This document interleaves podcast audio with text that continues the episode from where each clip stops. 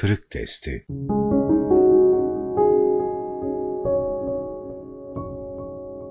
Manen canlı kalmanın yolu Soru Hizmetin ilk günlerindeki saffetin korunabilmesi, metafizik gerilimin devam ettirilebilmesi ve yeni dava adamlarının yetişmesi için gerekli olan şeyler nelerdir? Cevap Öncelikle soruda da işaret edilen bir hakikatin altını çizmek istiyorum. Gerçekten hizmetin ilk yıllarında insanlar çok samimi ve fedakardılar. Allah rızasından başka hiçbir beklentileri yoktu. Hizmet gönüllüleri arasında müthiş bir vifak ve ittifak vardı. Daha çok okuyor, daha çok düşünüyor, daha çok müzakere ediyorlardı. Okumaya, araştırmaya ve öğrenmeye karşı çok ilgililerdi. Bu itibarla günümüze nispeten ilim irfan açısından daha derindiler. Mesela Risale-i Nurları aşkla, iştiyakla okur, onlardaki hakikatleri anlamaya çalışırlardı.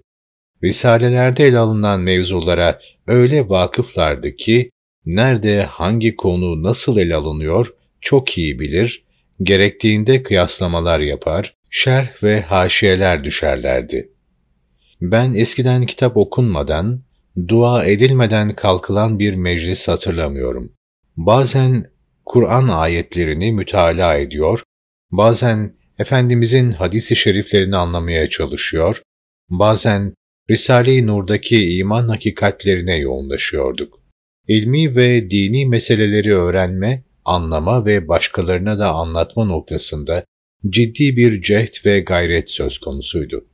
İnsanlar okuyup öğrendikleriyle önce kendi boşluklarını doldurmaya, sonrasında da onları muhtaç sinelere ulaştırmaya çalışıyorlardı. Bütün bunlarda onları manevi ve etikadi açıdan besliyor, canlı ve diri tutuyordu. İnsanlarda ayrı bir heyecan vardı. Yapılan hizmetlerde de bütün bunların bereketini görüyorduk. Maalesef daha sonraki yıllarda bu okuma heyecanını kaybettik, dolayısıyla da beslenme kaynaklarımızdan uzak düştük. Okumayan, öğrenmeyen insanların kıvamını koruyabilmesi, hizmet, aşk ve şevkini devam ettirebilmesi çok zordur. Bazıları hala ilim aşkını, okuma heyecanını korusa da bunların sayısı artmadı. Halbuki dairenin genişlemesiyle birlikte bunların sayılarının da artması gerekirdi. Fakat maalesef böyle olmadı. Keyfiyet, kemmiyet ölçüsünde gelişmedi. Bunun önemli bir sebebi zamanla insanlarda ülfet ve ünsiyetin hasıl olmasıdır.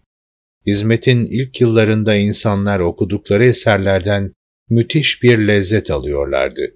Her şey onlara yeni, taze, orijinal geliyordu.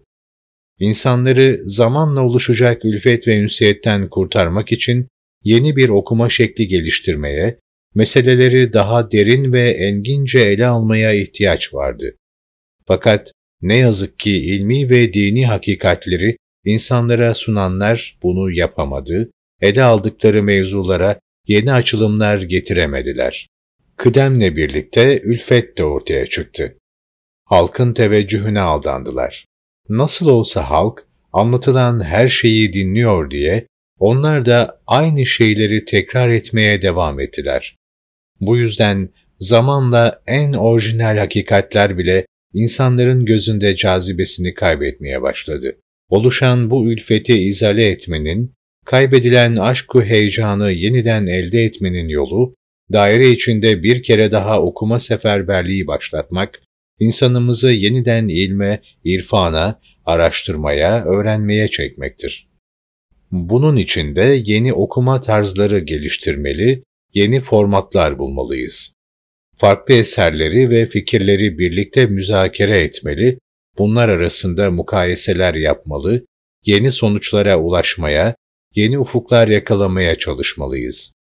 İnsanların ilgi ve merakını yeniden imani hakikatlere, onları anlatan eserlere çekmeli, onlardaki orijinal fikirlerin farkına varmalarının yolunu açmalıyız.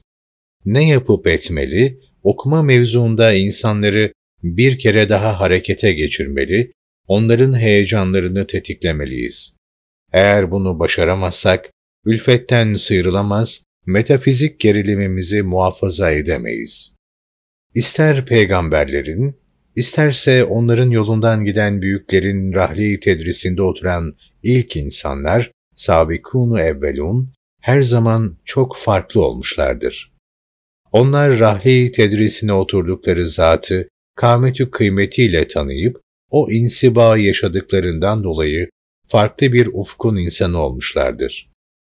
Hazreti Bediüzzaman'ın çevresinde halelenmiş insanlara bu gözle bakabilirsiniz. Risaleleri çok iyi okumuş, üstadı çok iyi anlamışlardır.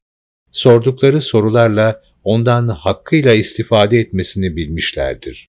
Risaleleri çok cazip, çok orijinal bulmuşlar, bu feyz menbaına karşı gönüllerini bütün fakülteleriyle açmışlar, istidatları nispetinde ondan alabildiklerini almışlardır. Belki de talebelerinin Bediüzzaman'a tam bir teveccühle yönelmeleri ve hasrı himmet etmeleri onun da ilhamlarının önünü açmış ve ona yepyeni şeyler söyletmiştir. Evet, herkesin böyle bir kıvam sergilemesi çok zordur.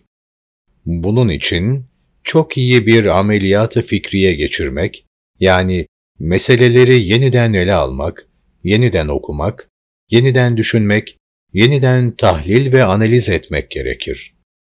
Bunun nasıl bir usulle yapılacağı üzerinde ayrıca kafa yorulabilir ve bu konuda farklı yol ve yöntemler bulunabilir.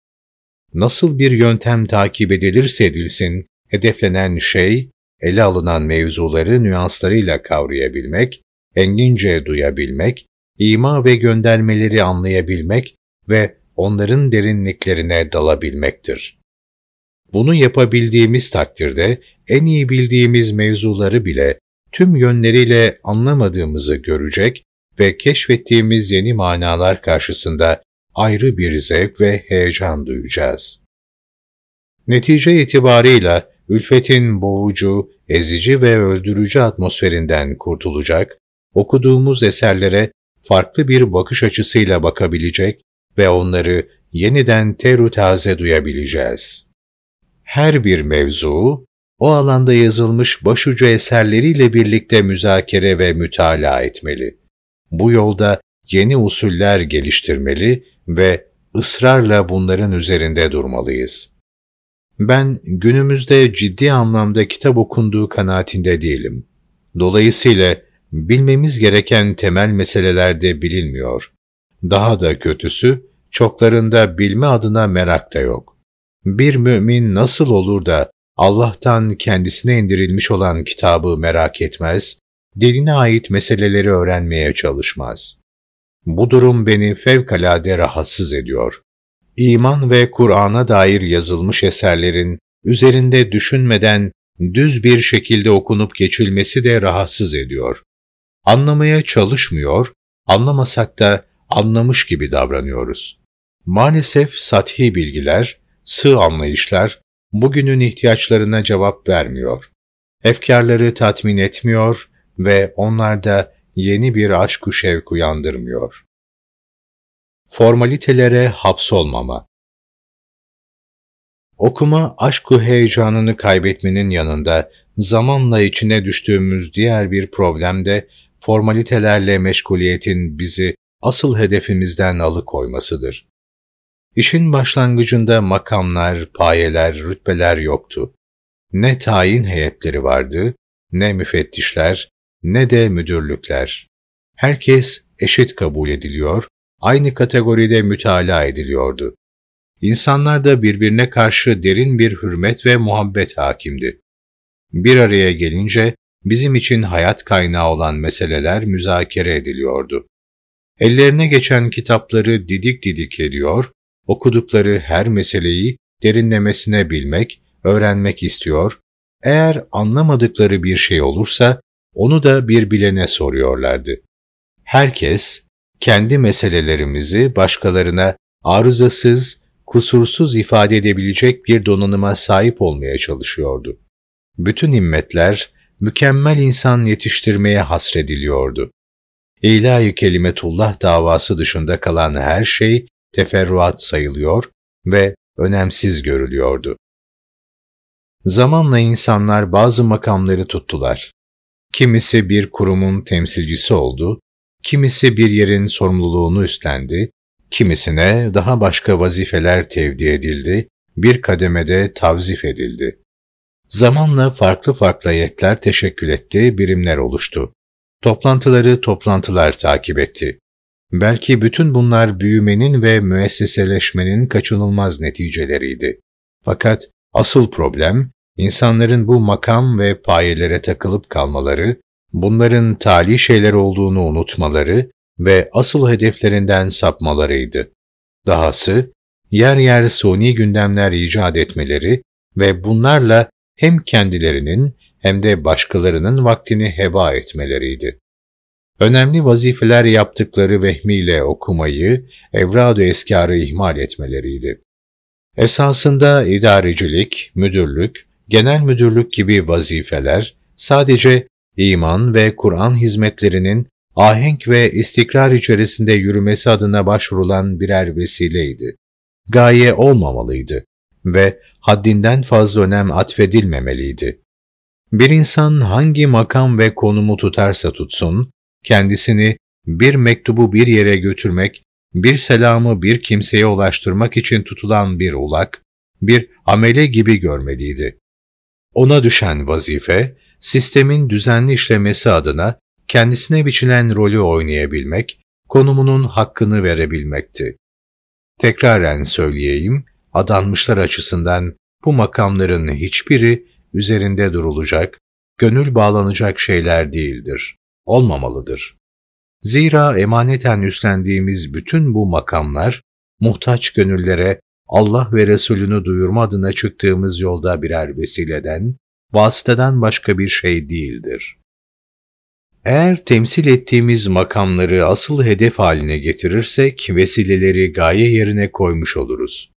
Şayet bunları kendimizi ifade etme, bilinme, görünme adına birer fırsata çevirirsek, üzerimize aldığımız emanetleri istismar etmiş oluruz.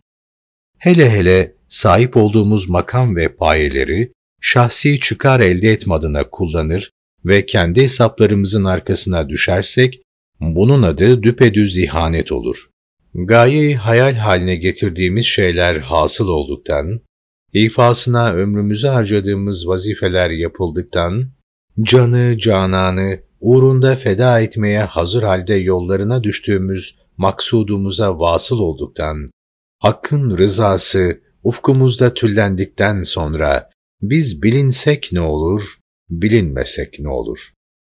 Yerine getirilmesi gereken sorumluluklar yerine getirildikten sonra varsın adımız namımız bilinmesin. Hatta ucup ve riya marazından azade kalmamız için bilinmemek daha selametlidir. Yaşanan dağınıklığın sebepleri Bizi beslenme kaynaklarımızdan uzaklaştıran amillerden biri de içtimai hayatın içine girmemiz, farklı meşguliyetlere açılmamız, değişik plan ve projelerin arkasında koşmamız oldu. Birer gereklilik görerek girdiğimiz bu işler zamanla bizi çepeçevre sardı, muhaverelerimizin temel mevzuları arasına girdi, hayal dünyamıza kadar sirayet etti. Böyle olunca bir araya geldiğimizde belki hizmet diyerek birçok şey konuştuk fakat asıl konuşmamız ve üzerinde yoğunlaşmamız gereken ana meselelerimizi unuttuk. Bu da okuma anlama şevkimizi, bunlara muhtaç olduğumuz hissini aldı götürdü.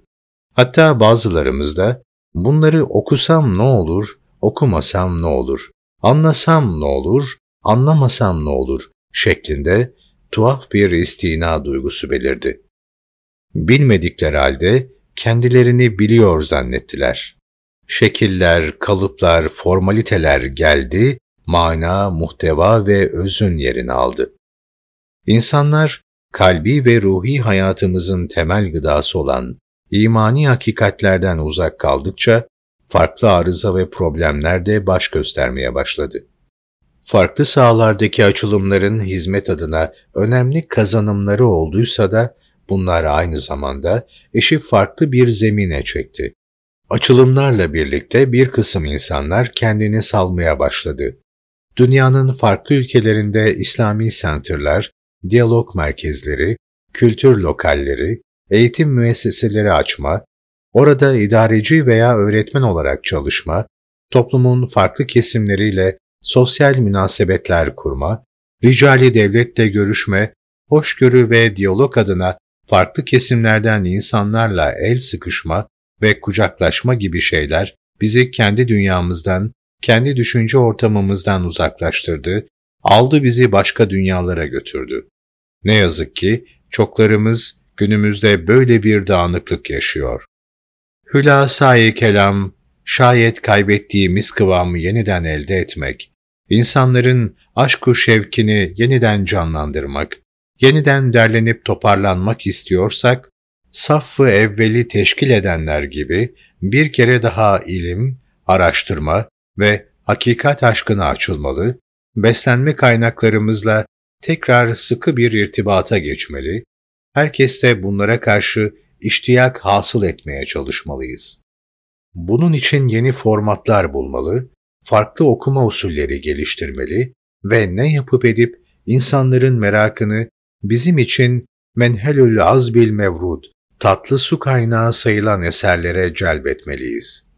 Kendini ilahi kelimetullah davasına adamış yeni gönül erlerinin yetişmesi, bu devranın devamı ancak bununla mümkündür.